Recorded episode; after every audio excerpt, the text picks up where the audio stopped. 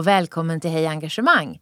Hej Engagemang är ett initiativ som jobbar för ett mer engagerat, gladare och friskare land. Vi vill att människor ska få möjligheten att jobba med saker de brinner för. Inte för att de måste, utan för att de vill.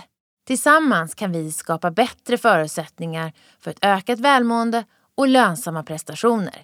Med Hej Engagemang får du träffa inspirerande personer som ger tips och insikt i hur du kan nå bättre resultat på jobbet och samtidigt må bättre. Nu kör vi! Hej alla lyssnare! Beata Wickbom här, er programledare. Idag ska vi prata om att skapa engagemang för mer mång mångfald i teknikbranschen, i techbranschen. Varmt välkommen Nora Baby som är expert på opinionsbildning online, serieentreprenör och grundare Unitech. Stort, stort tack för att jag fick komma. Stämmer det jag sa i inledningen? Det stämmer jättebra. Men vi har börjat prata mindre om mångfald och mer om inkludering. Det kan vi ta direkt. Varför mm. gjorde ni det skiftet? Um, för att uh, vi har upplevt nu väldigt länge att mångfald är fortfarande väldigt um, eh, uppdelad i, i väldigt få kategorier. Så vad mångfald är för mig är inte för, för den gemene man. Eh, och i Sverige så pratar vi väldigt mycket om mångfald men ofta så hänvisar vi fortfarande till jämställdhet och ur ett könsperspektiv. Så vi har eh, kommit överens och förstått väldigt tydligt att jobbar man med inkludering och fokuserar på att skapa inkluderande infrastrukturer då får man per automatik mångfald med. För då är mm. alla eh, perspektiv förhoppningsvis representerade eh, och närvarande. Och berätta, vilka är de? Bara ge några exempel på andra grupper förutom eh, kön som är viktigt, eller andra aspekter förutom kön som borde vara självklart att, att tänka när vi tänker inkludering? Självklart. Det är etnisk tillhörighet, eller etnisk identitet. För det är också att vad jag tror att någon kommer ifrån har att göra med mitt eget perspektiv av hur människor kanske ser ut på ett visst sätt. Uh, utan vi pratar väldigt mycket om etnisk identitet, vad man identifierar sig med. Uh, sexuell läggning och samma sak där. Sexuell identitet även ur ett könsperspektiv, för det finns ju fler än två. Uh, och självklart ålder. Och du är en engagerad grundare av Unitech hur ser samhällsutmaningen ut som ni vill och känner att vi måste lösa? Vi har ju fantastiska eh, medgrundare, tänkte jag säga, eh, skapare av teknologi som gör fantastiska skillnader i samhället, både från produktsidan och tjänstsidan. Eh, och jag, för någon som mig som vet verkligen vilken skillnad tech eller teknik kan göra eh, och hur inkluderande det är så upplever jag att det börjar bli färre och färre medskapare av den. Och för att säkerställa att alla produkter och alla tjänster i samhället är tillgänglig för allt och alla så vill jag också att medskaparna ska vara lika eh, diversifierad eh, som själva eh, möjligheterna eh, med de produkterna och tjänsterna. Vi tar ett exempel att när du säger en, en grundare kan det vara en grundare av säg, ett socialt nätverk, vi kan ju ta Facebook, Absolut. som i si, sin affärsmodell har att man jobbar med ett antal utvecklare, Facebook developers som jobbar på plattformen. Men även användarna är ju på ett sätt medskapare. Alla som skriver inlägg, alla som delar, alla som eh, själva också jobbar i, i den plattformen med grupper eller skapar event. Och det är helt rätt. Där har vi, när det kommer till innehåll, då är vi alla medskapare. Men när det kommer till att skapa själva plattformarna så är det väldigt homogent. Och mitt, eh, min oro, jag har själv barn, eh, är ju att jag har själv upplevt hur, hur exkluderande eh, branschen börjar bli, och ha, eller har varit framför allt. Eh, och med teknikens framfart då upplever inte jag det som att förändring i den här frågan bör ta tid. För vi har bara vinster eh, att vinna. Så då förstår jag rätt om du säger att det är själva tjänsternas utformning. Hur till exempel en, eh, en tjänst läser av ett ansiktsuttryck eller går på, eh, använder AI för att förstå din intention. Eller det är hur vi designar de tjänsterna i grunden, det vi inte som användare ser, det som är bakom kulisserna, är det det som, den delen av utvecklingen som måste få mer mångfald. Är det rätt uppfattat? Det är helt rätt uppfattat. Så precis. Så medskapare av själva teknologin vill jag diversifiera. För då kan vi lösa också problem eh, och hitta fantastiska möjligheter för alla utifrån att vi kan då skapa verktyg som faktiskt har eh, insyn i hur det är att vara från till exempel andra eh, områden runt om i världen eller har ett annat perspektiv på svårigheter som man upplever. Hur mycket engagemang finns det för den här frågan? Mm, det börjar ju komma mer och mer, vilket är fantastiskt. Men jag tror engagemanget har, har alltid fram tills nu fastnat ur ett socialt perspektiv. Att det har legat lite grann under socialt ansvarstagande för många företag. CSR pratar man. Eh, att det handlar om lika rättigheter för alla och har man bakat in det där. Men det man börjar se nu på senare år, för nu kommer det fler och fler rapporter. Vi börjar bli mer och mer datadrivna. Och vi börjar titta mer och mer på den datan och den visar ju oss väldigt tydligt att det är ju en grupp eh, av eh, människor som leder vägen, som skapar teknologin, eh, som får investeringar, som blir entreprenörer och hittar de här nya innovationerna. Ehm, och då tror Vilka är det då, Nora? Den homogena vita mannen.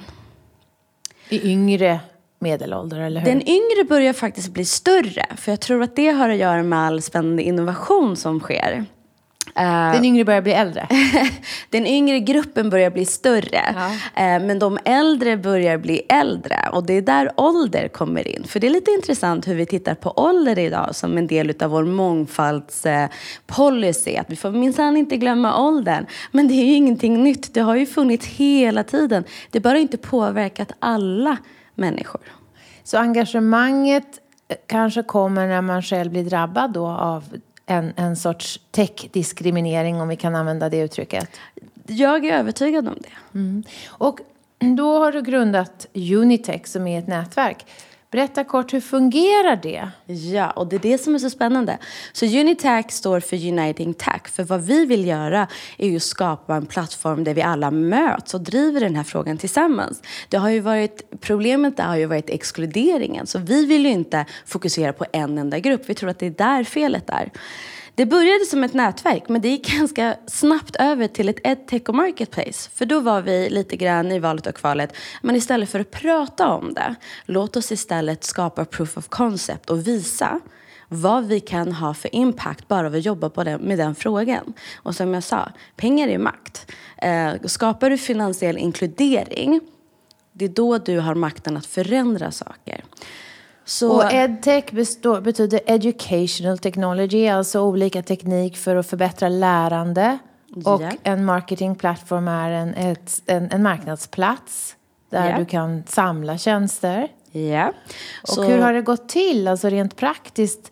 Vad har kommit ut ur nätverkets eh, eh, ambitioner hittills? Så det vi gör idag är att vi utbildar faktiskt 200 eh, nya blockchainutvecklare. Det har tidigare funnits 100 stycken i Norden, varav en svensk kvinna. Um, nu har ju Finland satsat jättemycket för det händer jättemycket inom fintech. Uh, så jag vet att de har utbildat 300 nya sedan i höstas tills nu. Och fintech det är financial Förlåt. technology eh, för våra lyssnare. Helt rätt. Där blockchain är en teknologi som hör till finansiell teknologi som kan förändra hur banksystem och annat fungerar på sikt. Precis, det stämmer. Och nu börjar man titta på möjligheter att, att använda den typen av teknologi över flera områden. Och man gör det här väldigt mycket utanför Norden. Eh, vi är inte lika framme när det gäller just hitta användningsområden eh, för flera områden än bara finansiell eh, tech. Um, men så det vi gör vi, så vi har hundra stycken här i Sverige och hundra i Afrika faktiskt. Och anledningen till att vi har um, Afrika är inte för att, som återigen, det är inte ett CSR-projekt. Utan det är fantastiska grejer i tech som håller på att ske. De är inne i sin fjärde techrevolution. Vi är precis inne i vår tredje. Um, så vi vill bara visa uh, och återigen skapa den här proof of concept där Teknologi är inkluderande. Det finns inga gränser tack vare tech. Så ni utbildar 200 blockchain utvecklare. utvecklare. Och, det, och då bevisar ni att eh, vi kan sprida teknikkunskapen till fler. Hur har ni organiserat det? Är det är det via nätverkets resurser där folk går in frivilligt och hjälper till eller är det här en universitetsutbildning eller hur går det till? Det, det är på universitetsnivå men det är ju det här, blockchain är så pass nytt eh, och det här med universitetsutbildningar är ju inte lika eh, viktiga längre för techindustrin. Vi, vi såg nu senast i april 15 av de absolut största techbolagen där vi hade Google, Facebook, Netflix och så vidare som tillsammans gick ut och sa för oss är det arbetsprov och vad du kan som är viktigt. Vi tittar inte på universitetsstudier. Och jag tror att det sker väldigt mycket när det kommer till utbildning just nu. Så det ska bli jättespännande att följa. Men just för blockchain så finns det det, det som är mest validerat. Det är en fyra månaders utbildning. Så det vi gjorde var att vi skapade eh, eh, mindre utbildningar kring kryptovalutor. För det är det man känner till om blockchain. Eh, och vi pratade... Och bitcoins. Och bitcoins såklart. Eh, och vi pratade med våra egna eh, nätverk och, och, människor vi hade i närheten som vi visste var intresserade av industrin men aldrig riktigt känt sig välkommen in i industrin. Eh, och på mindre än fem veckor så hade vi nästan 70 anmälda. Och idag när utbildningen började i maj så har vi 200 eh, där 73 procent är kvinnor och 80 procent är från underrepresenterade grupper. Och utbildningen i Afrika, i vilket land och vilken stad kör ni den? Så det är Dakar och Addis i Senegal och Etiopien.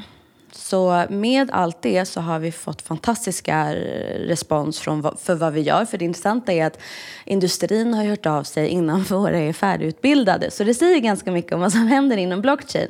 Men det var också ett sätt att avancera kunskapen i våra målgrupper. Istället för att fokusera på ja, men bara försöka få in en fot och få ett jobb inom industrin. Så vi vill ge dem verktyg inom ett område som håller på att bli ledande. Um, där de kan faktiskt ligga steget före. Och ni säger det är inget svårt, det går att göra. Jag älskar arbetssättet. Att ni leder i bevis istället för att sitta i paneldebatter i Almedalen och gnälla. Ursäkta uttrycket. Helt så okay. har ni skapat den här för 200 pers. Ja, och till det så har vi idag 500 olika typer av utvecklare, specialister och you name it i vår eh, marketplace. Som vi då outsourcar dessutom. Så man kan jobba för er, eller man kan komma, om man är ett bolag som vill diversifiera sin utvecklarbas så, så hör man av sig till Unitech. Vad har du för personliga motiv av att jobba med de här frågorna? Ja, men, och, och, som jag själv nämnde så har jag ju själv sett hur industrin ser ut från nära håll. Det har egentligen varit lite grann mer från sidan. Jag har jobbat med varumärkesstrategier inom eh, telekom och, och, IT de senaste nästan tio åren. Um, och jag har ju fått se utvecklingen och vad som har skett, skett inom de här branscherna, vilket jag är jätteexalterad över. Jag är jättepositiv. Dock så är det så här, länge har det varit vita medelålders män det finns data på det här också, så det är inte bara en personlig åsikt. Um, och jag ser fler och fler kvinnor komma in i branschen, vilket jag är överlycklig över. Men det jag ser, tyvärr, är att det är fler och fler som egentligen ser lite likadana ut som männen, som kommer från samma skolor, samma bostadsområden, samma nätverk. Och ingen av de här uh, representerar någon som mig. Och jag har barn. Och jag har inte tid att vänta på att de ska få känna sig inkluderade när de är stora nog. Ehm, så det är en väldigt personlig eh, resa i allt det här. Har du känt dig utanför? Ja, inte representerad. Mm. Vad, vad, skulle du säga att du som ledare och entreprenör och engagerad liksom, grundare behöver lägga mest tid på nu i uppstarten? Uppstarten har ju varit att jag tror, för att vi jobbar med den här frågan så har ju uppstarten varit väldigt mycket att prata om affärsnyttan. Eh, och inte själva eh, impacten av den. Impacten vet vi ju är enorm, och, och eh, men jag tror affärsnyttan. Så därför har det varit väldigt viktigt för oss att först skapa proof of eh, concept. Eh, och sen kan vi prata om det och vi kan prata om det under tiden, hur vi har upplevt det. Eh, men jag tror det har varit enormt fokus på att påminna alla om affärsnyttan med det vi gör. Mm. För, för branschen skriker efter ehm, efter kompetens. Vi vet ju att det gick ut en, alarm, en alarmerande rapport 2017 om att till 2022 så kommer det saknas 70 000 eh, olika typer av eh, kunskap inom eh, IT-branschen. Och det är bara i Sverige. Jag tycker det är så konstigt med de här. Vi saknar 200 000 personer till kommun och landsting som kan jobba i vården. Vi saknar massa grupper. Hur kan lärandet och reskillingen och upskillingen ta så lång tid, tänker jag. Ehm, och vad säger du till dem som fortfarande tvivlar på affärsnyttan med inkludering och mångfald? Vad, om vi skulle verkligen, verkligen, verkligen bara gå igenom vad är, varför är mångfald i techbranschen så viktig en gång till? Då skulle jag bara prata utifrån ett lönsamhetsperspektiv. Vi vet att när du har ett mer könsbalanserat företag då har du per automatik en 23 procent större eller högre lönsamhet. Samma sak när du har en större diversifierad eh, utifrån ett etniskt perspektiv eh, har du däremot nästan upp till 35 procent högre i lönsamhet. Det betyder alltså den tiden och, och, pengar vi lägger ner på att hitta nya marknader eller titta på nya produkter eller utveckla nya tjänster. Om vi bara tar 10 procent av den tiden och fokuserar bara på att ha ett mer jämlikt bolag så ökar vi vår lönsamhet automatiskt. Det är ju fantastiskt. Det är konstigt att man kan blunda för det. Ehm, och hur ser det ut till exempel med... Eh, har vi någon, någon statistik som, vet hur, som visar på hur ökad inkludering påverkar innovation till exempel? Absolut. Eh, det var ju faktiskt en rapport som eh, släpptes här tillsammans med McKinsey-rapporten som, som nämnde de här siffrorna. Som också påvisar att innovationstakten och också för att överleva så är det den, den absolut snabbaste vägen och säkraste vägen är att stärka sin inkludering. Det här är ju eh, inte bara en fråga om att teknikföretagen och, och ut, de utvecklingsbolagen missar en stor del av talangbasen när de rekryterar företrädesvis vita män. Utan det handlar ju om en större demokratifråga. Alltså hur inkluderande och relevanta tekniklösningar inom till exempel AI kan bli om det är de som i grunden, de, de tjänsterna i grunden i vårt samhälle, i utbildning, i vård, i trafiklösningar, i övervakning, i säkerhet. Kan du utveckla lite varför AI och mångfald har med varandra att göra? Absolut. Så AI är ju egentligen ingenting mer än algoritmer. Och AI är ingenting nytt. Det har funnits hur länge som helst. Det fantastiska är att nu börjar man kunna använda det inom olika typer av industrier och, och framförallt olika typer av ut, ut, utvecklande produkter som, som kommer kunna förändra industrier. Problemet med AI blir ju när du baserar en teknologi på data och algoritmer och inte i den datan tar med all typ av data då kan du ju inte utveckla tjänster och produkter som är till för alla. Och det här vet vi om och vi hör ju väldigt mycket att man nu idag pratar om fördomsfri AI. Vi ska skapa fördomsfri AI, vilket är fantastiskt. Men jag tror, och jag tror att det är väl det som är själva nischen med AI. AI är inte tänkt att ersätta människan. AI är ju tänkt att stärka människan. Så även om vi har fördomsfri AI så spelar det ingen roll för vi möter ju ändå varandra någonstans. Och kan vi inte skapa fördomsfria människor då spelar det ingen stor roll hur fördomsfri AI är för vi kommer bara vandra fram och tillbaka. Eh, vilka strategier och verktyg har du och Unitech för att driva engagemang och förändring? Man kan ju säga att ni är som en rörelse. Och ni är en konkret verksamhet. Men du, vill, du är ju en opinionsbildande rörelse här. Jag tror det som är jätteviktigt är för oss att vi först gör vårt jobb eh, och kan där utifrån också bevisa vad det är vi pratar om. Jag tror problemet har varit att vi har, det har pratats om ganska länge men vi har inga riktiga verktyg och jag, jag är övertygad om att det finns fantastiska företagsledare som aktivt vill jobba med den här frågan men man vet inte hur eller vart man ska börja. Så därför, det vi fokuserar väldigt mycket på är att skapa underlag, skapa eh, verktyg för ah, gemene man som företagsledare. Men vi är övertygade att det måste komma från ledningen och neråt och inte nerifrån och upp. För att det ska premieras, för att det ska jobbas med ut, eh, utifrån... Eh, Inkluderingsfrågan. För, precis, ut, eh, utifrån en företagskultur. Um, så att jag tror att det är väl den största biten som vi fokuserar på. Låt oss skapa resultat och utifrån det skapa förändring.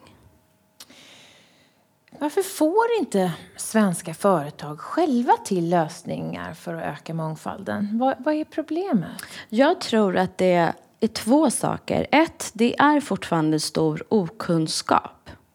Vi ser att fler och fler jobbar med mångfaldsfrågan. Men när vi går in och tittar lite djupare då ser vi också att det handlar mer om utifrån ett könsperspektiv. Man, man liksom landar i att det ska finnas fler kvinnor. Men sen så blir det inte så mycket mer. Det är ett av de problemen. Det andra tror jag är att man är rädd för att göra fel. Vad är de rädda för? Jag tror att man är rädd på att trampa någon på tårna, eh, säga fel saker. För det är ju lite det här också. Hur tar vi upp den här frågan? Och, och, och på samma gång så måste ju vi bemöta våra egna fördomar. Eh, och också eh, ge den här frågan tid. För tid är ju det mest värdefullaste vi har och alla är vi eh, på minus när det gäller att ha tid till saker och ting. Eh, men, Men du hur... har ju så tydliga bevis. Du behöver ju bara peka på fakta. Det leder till ökad innovation och ökad lönsamhet. Och, och vi, är, vi har för lite inkludering. Eh, vilka processer ska vi förbättra? Vilka hinder ska vi ta bort? Alltså bara så här, hur svårt kan det vara? Det är det vi frågar oss själva också. Hur svårt ska det vara? Finns förståelsen i techbranschen just att mångfald är kopplat till lönsamhet? Absolut, och jag tycker fler och fler bolag börjar ju inse det här. Eh, men jag tror också att man på något sätt förväntar sig att den nya generationen av entreprenörer ska lösa det här. Eh, att de är mer förstående, de har mer kunskap och med den takten som vi ser att vi skapar här, till exempel här i Sverige, våra fantastiska unicornföretag som, som, som har fantastiska tillväxter. Eh, att det per automatik ska också generera en starkare plattform för eh, inkludering eller mångfaldsfrågan. Men vi ser ju nu senast var en rapport Atomico släppte om the state of tech. Um, som ett exempel. Uh, och där ser man ju att det är ju fler och fler uh, män, färre och färre kvinnor. Och om man tittar dessutom hur, vilka kvinnor ur den här lilla, lilla gruppen så är det ju ännu mindre um, om man tittar ja, ur ett etniskt för, perspektiv. I förra året så, så ökade antal kvinnor i techbranschen med 14 procent på ett år. Men bara en procent när det kommer till etnisk mångfald. Så det här är ju både bland män och kvinnor så är etnisk mångfald väldigt lågt. Jättelågt. Eh, det här strukturproblemet, vad är grunden till det? Jag tror att det, det som, är, som har varit hela tiden och, och jag hoppas att det kan vara vägen fram. Det är att vi, um, vi ser inte på det utifrån ett, liksom, vinsterna. Vi ser fortfarande på det som ur ett CSR eller socialt liksom, perspektiv. Vi ser fantastiska projekt som sker lite överallt runt om eh, i Sverige, inte mindre i våra förorter till exempel. Men jag tror så länge vi har ett CSR-stämpel på det och så länge näringslivet inte är mottaglig för att ta emot den här gruppen av människorna så kommer vi inte se ehm, förändring. Och så vet vi också att jag menar, forskning säger att vi är trygga människor. Vi vill ju helst befinna oss med människor som ser ut som oss eller har samma intressen eh, och så vidare. Och det är ju inte minst på arbetsplatsen. Man ser ju vilka grupperingar det finns över kaffet eller fikat eller så vidare. Så det, det är vi trygghetsnarkomaner. Mm. Och ändå jag som jobbar i techbolag jag kan tycka att just techteam kan vara rätt så blandade därför att man är så eh, besjälad av uppgiften ofta. Och det är så tydligt vad kompetensen handlar om om man till exempel programmerar. det är inte så mycket tyckande där utan ganska liksom enkelt att samarbeta egentligen med vem som helst som kan samma sak som du. Och, så att jag är ändå förvånad att mångfalden och känslan av inkludering är så låg. Men låt mig fråga dig så här, du som har varit i branschen. Hur många chefer, hur många av de här blandade liksom, grupperna, vilka av dem får chansen att avancera? Jättebra fråga. Väldigt få skulle jag säga mm. på, min lilla, på min lilla erfarenhet. Mm. Um, i Sverige just. Mm. Men jag blir alltid chockad när, eh, över hur, hur, lite mångfald vi har på chefsnivå i Sverige. Mm. Och där är lite intressant för om man tittar till exempel på Microsoft. Det är många av de här stora techbolagen som har eh, vd numera som härstammar från Indien. Och vi vet ju att mycket hände när vi fick tillgång till de fantastiska utvecklarna och programmerarna i Indien och man började outsourca från Indien. Och kolla nu sakta men säkert så börjar det komma mer representation från Indien. Hur fantastiskt är inte det? Mm. Um, ni vill ju också inkludera fler unga talanger i ytterstaden. Du har ju liksom ett personligt driv att göra det. Vad är viktigt för att lyckas med det? Jag tror det absolut viktigaste är att prata om att man vill ge, eh, skapa möjligheter och verktyg. Inte jag är här för att hjälpa dig. För i slutändan så kommer den individen eller ungdomen att komma som en ambassadör till mig eller min arbetsplats och skapa fantastiska eh, möjligheter och framgångar för mig som företagare.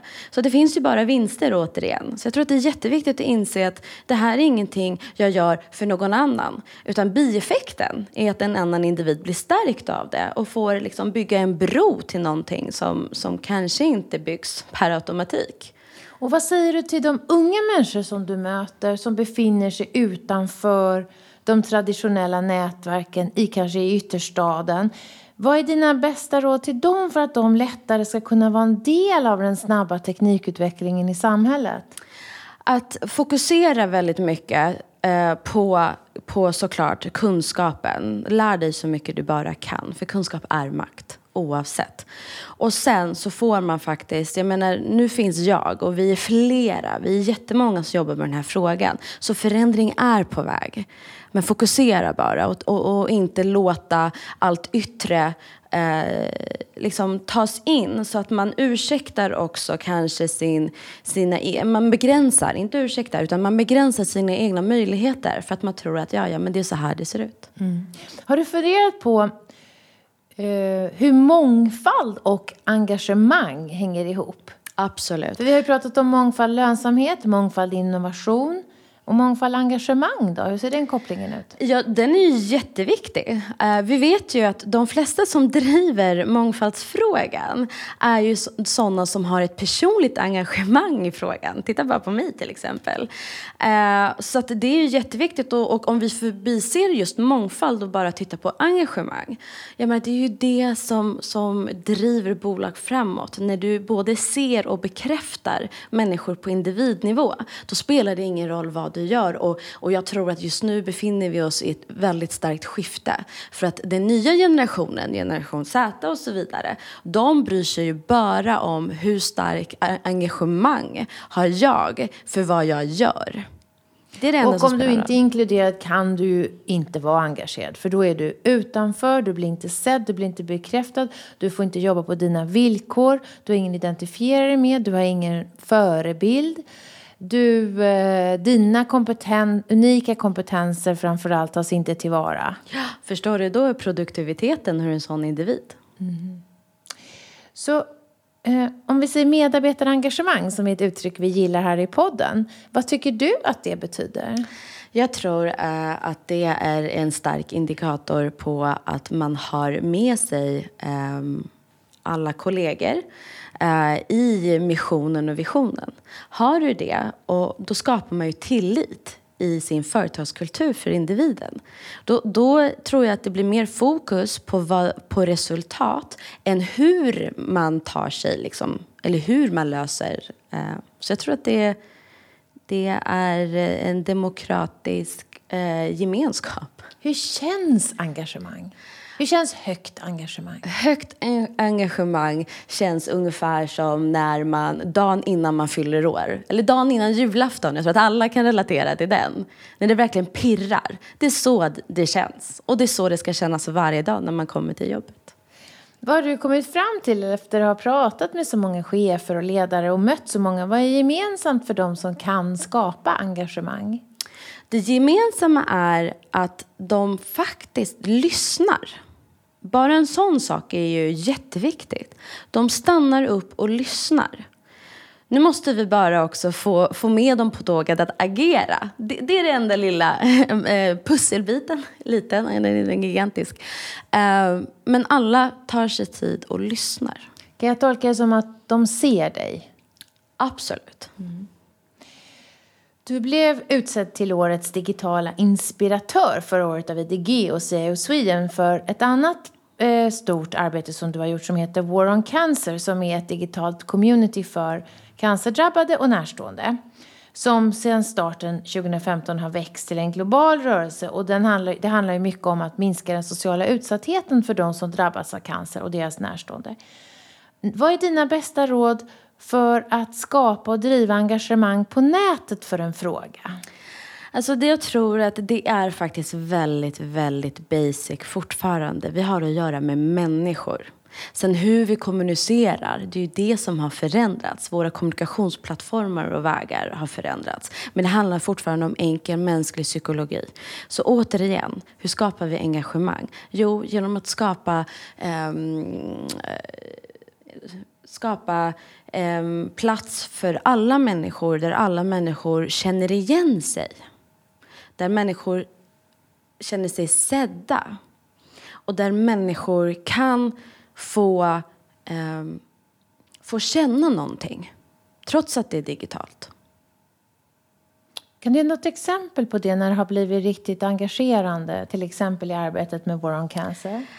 Alltså vet du vad som tog mig eh, på sängen faktiskt med det arbetet var att eh, alla har ju en personlig anknytning till cancer idag. Eh, och det är en, en, en av de sjukdomarna som fler och fler faktiskt överlever. Men fler och fler kommer också att leva med cancer. Så det är en intressant utveckling. Så när jag såg på det här så såg jag på det ur, ur ett, liksom ett varumärkesstrategi och marknadsföring och kommunikation och tänkte liksom väldigt pragmatiskt och, um, och tänkte att det här ska vi skapa. Vi ska lyfta fram de här individerna och vi ska lyfta fram de här starka berättelserna som egentligen är universella. Där det inte spelar någon roll var du kommer ifrån, vad du har för bakgrund, vad du har för liksom, resa. Alla ska kunna känna igen sig. Och det är ju i glädje och kärlek där vi är som starkast. Så om vi kan skifta och fokusera på det trots att vi har att göra med cancer så gör vi en enorm skillnad. Ehm, så jag var väldigt personligt eh, ansvarig för att ha kontakt med alla de fantastiska människorna som valde att dela med sig av sin resa. Vad jag inte hade förväntat mig var eh, hur otroligt trots att det var det jag ville komma åt. Hur otroligt personliga de på samma gång var. Och hur jag på individnivå helt plötsligt fick följa människor um, som tyvärr inte klarade sig. Um, och det slog mig. Så att om man pratar om motivation så har jag de här individerna fortfarande liksom med mig. Och det är ju baserat på en digital plattform med människor jag aldrig har träffat men som jag haft en konversation med. Mm. Så möta användaren, målgruppen, kunderna som människor. Få in mer EQ, alltså emotionellt, 100% mer emotionellt EQ. innehåll i dialogen. Och sen eh, plocka fram de personliga berättelserna. Men hur skalar du så att säga engagemanget som väcks hos alla som kommer i kontakt med sig en digital kampanj? Eller hur konverterar du det också in i någon handling eller in i förändring så det inte bara blir en känsla utan också handling? Att betala pengar eller skriva själv eller hjälpa någon annan? Jag tror att det är jätteviktigt att, att vi går från känsla till handling eh, oavsett vad vi gör. Eh, och för att komma till handling så tror jag att det bästa sättet är att börja med känsla.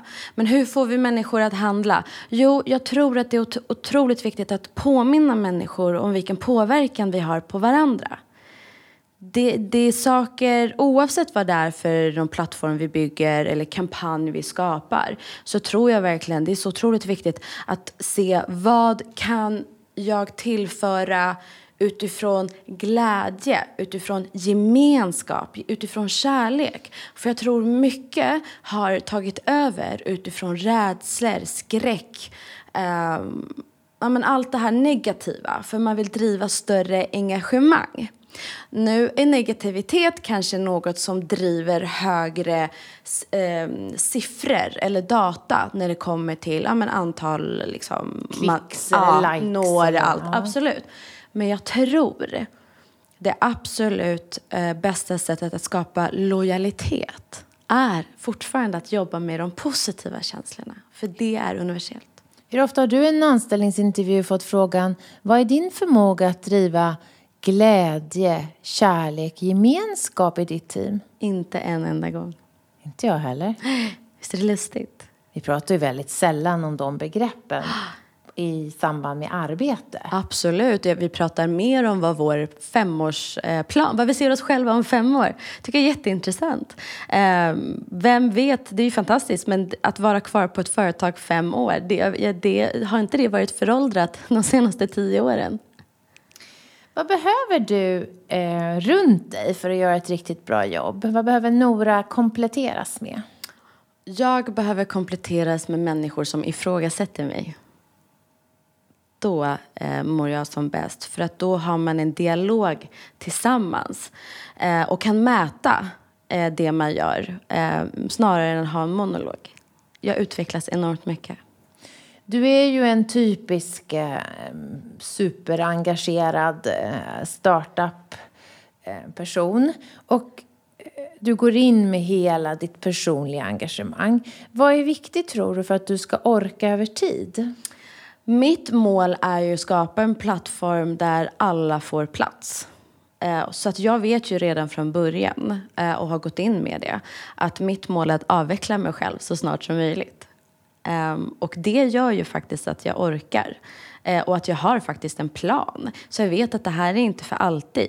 Sen kanske jag driver den här frågan vid sidan av genom Unitac eller hur det nu må vara.